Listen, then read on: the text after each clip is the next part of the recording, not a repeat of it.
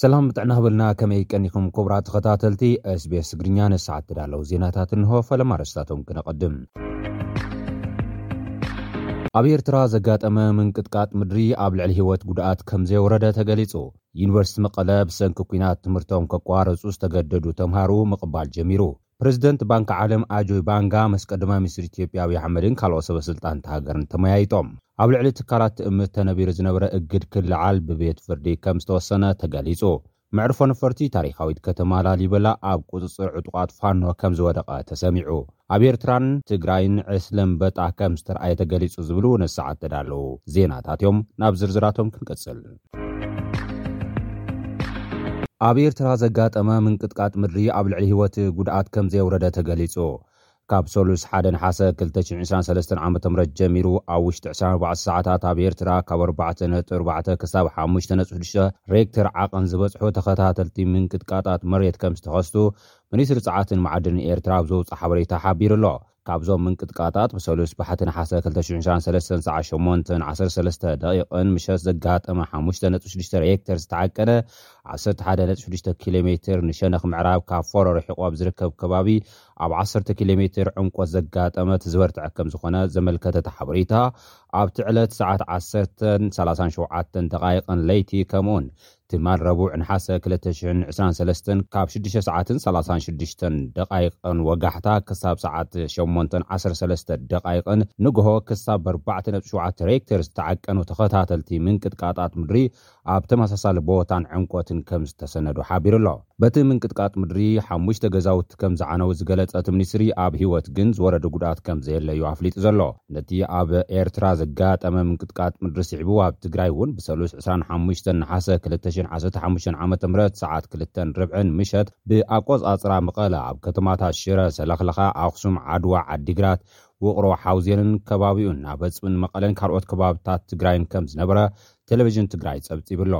ኣብ ልዕሊ ንብረት ኮነ ህይወት ዘውረዶ ጉድኣት ከምዘየለ እውን ሓቢሩ እዩ። ሰብ ሞያ ናይቲ ዓውዲ ዝኾኑ ምሁራን ዩኒቨርሲቲ ኣዲስ ኣበባ እቲ ኣብ ትግራይ ዘጋጠመ መጠናዊ ዝበልዎ ንዝረት ምድሪ ኣብ ኣዲስ ኣበባ እንተዝኸውን ብዙሓት ህንፃታት ናይ ምፍራስ ተኽእሎ ከምዝነበረ እውን ገሊፆም ኣለው። ዩኒቨርሲቲ መቐለ ብሰንኪ ኲናት ትምህርቶም ከቋርፁ ዝተገደዱ ተምሃሮ ምቕባል ጀሚሩ። እቲ ዩኒቨርሲቲ ትማል ረቡዕ ዕስራን ሽዱሽተን ሓምለ ክልተ ሽሕን ዓሰርተ ሓሙሽተን ዓመተ ምህረት ክቕበሎም ዝጀመረ ተምሃሮ ኣብ ክልተ ሽሕ ዓሰርተ ሰለስተ ዓመተ ምህረት ክምረቑ ይግበኦም ዝነበሩ ተምሃሮ ምዃኖም ፕረዚደንት እቲ ዩኒቨርሲቲ ዶክተር ፋና ሓጎስ ገሊፀን ኣለዋ። ሰለስተ ሽሕ ዝኣኽሉ ተመረቕቲ ተምሃሮ ንምቕባል ትልሚ ከምዘለወን ኣፍሊጠን እየን። ናብ ዩኒቨርሲቶም ዝተመልሱ ርኢቶ ዝሃቡ ተምሃሮ ድማ ይንዋሕ እምበር ሕጂ ናብ ትምህርቶም ምምላሶም ከምዘሕጎሶም ገሊፆም ኣለው።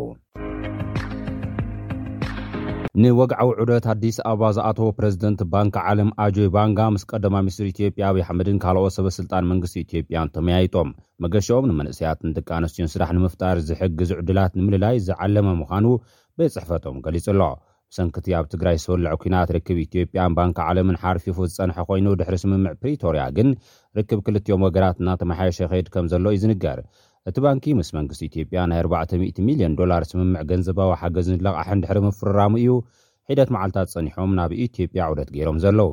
ባንኪ ዓለም ዝዓበየ መሻርኽቲ ልምዓት ኢትዮጵያ ምዃኑ ዝገለፁ ሚኒስትር ፋይናንስ ኢትዮጵያ ኣሕመድ ሸዴ ዑደቶም እቶም ፕረዚደንት ኣብ መንጎ ክልቲኦም ዘሎ ሽርክነት ንምጥንኻር ዝሕግዝ ከምዝኾነ ገሊፆም ኣለው። ባንጋና ብወገኖም እቲ ባንኪ ንህንፀት መገዲ ኤክስፕረስ ኢትዮ ጅቡቲ ፋይናንሳዊ ደገፍ ክገብር ከምዝተሰማምዐ ሓቢሮም እዮም። ይኹን እምበር ኢትዮጵያ ኣብ ዝተፈላለዩ ፋይናንሳዊ ጉዳያት ምስቲ ባንኪ እትገብሮ ዘላ ድርድር ኣመልኪቶም ርኢቶ ካብ ምሃብ ግን ተቖጢቦም ኣለው። ንዑደት ፕረዚደንት ባንኪ ዓለም ኣመልኪቶም ቀዳማይ ሚኒስትር ኢትዮጵያ ኣብዪ ኣሕመድ ኣብ ዝሃቦ ሓበሬታ ድማ ኢትዮጵያ ኣስታት ዓሰርተ ሰለስተ ፓርክታት ኢንዱስትሪ ሃኒፃ ናብ ስራሕ ከም ዝኣተወት ብምጥቃስ ንኹሎም ኣብ ዝተፈላለዩ ኢንዱስትሪታት ክዋፈሩ ንዝደልዩ ሰብ ሃብቲ ምቹው ሃዋህው ዝፈጥር ምዃኑ ገሊፆም ኣለው። ፃንሒት ባንክ ኣብ ኣዲስ ኣበባ ኣብ መንጎ ባንኪ ዓለምን ሕብረት ኣፍሪካን ዘሎ ሽርክነትን ምትሕብባር ንምጥንኻር ምስ ኣቦ ወንበር ኮሚሽን ሕብረት ኣፍሪካ ሙሳ ፋቂ መሃማት እውን ንምዝርራብ መደብ ከም ዘለዎም ተገሊፁ ኣሎ።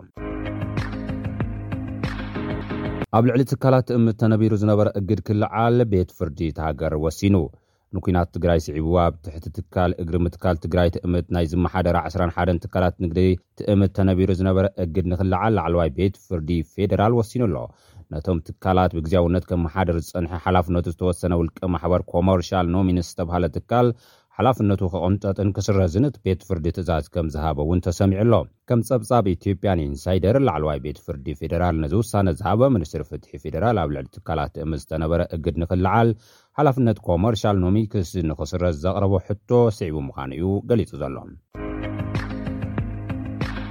መዕርፎ ነፈርቲ ታሪኻዊት ከተማ ላሊበላ ኣብ ቁፅፅር ዕጡቓት ፋኖ ወዲቑ ንባዕሎም ፋኖ ኢሎም ዝፅውዑ ዕጡቓት ንመዕርፎ ነፈርቲ ላሊበላ ብምቁፅፃሮም ካብን ናብን እታ ከተማ ዝግበር ዝነበረ በረራ ከም ዝተዓናቐፈ ቢቢሲ ኣረጋጊፁ ኣሎ።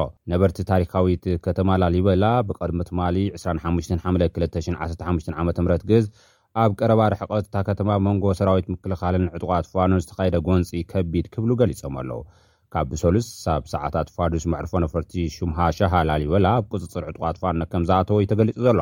ሓንቲ ነፋሪት ካብ ኣዲስ ኣበባ ተበጊሳ ኣብ ላሊበላ ክትዓርፍ ፈቲና እንተኾነ ብሰንኪ'ቲ ቁጽጽር ቦታ ቀይራ ክትዓልብ ከም ዝተገደደት'ውን ተገሊጹ ኣሎ። ብኣንፈት ጋሸናን ሰቖጣን ግን ናይ ተኹሲ ድምጺ ይስማዕ ከም ዘሎ'ውን እቶም ነበርቲ ሓቢሮም ኣለዉ።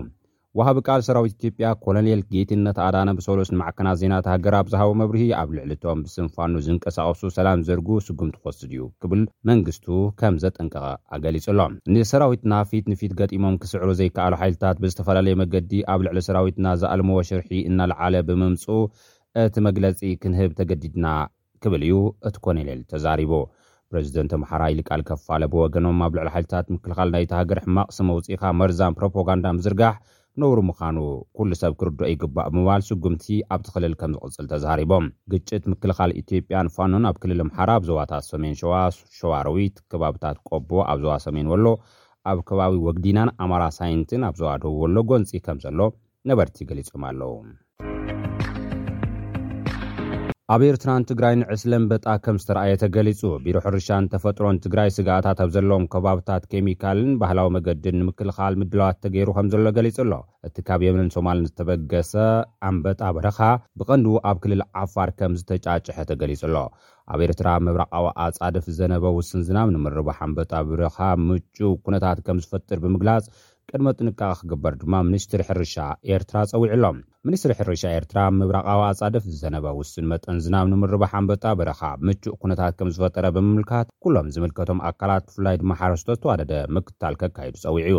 ብተወሳኺ ምምሕዳር፣ ህዝብን ኣባላት ሓይልታት ምክልኻልን ምስ ክኢላታት ብምውህሃድ ስሩዕ ዳህሳስን ምክትታልን ከካይዱ እቲ ሚኒስትሪ ሓቢሩ ኣሎ።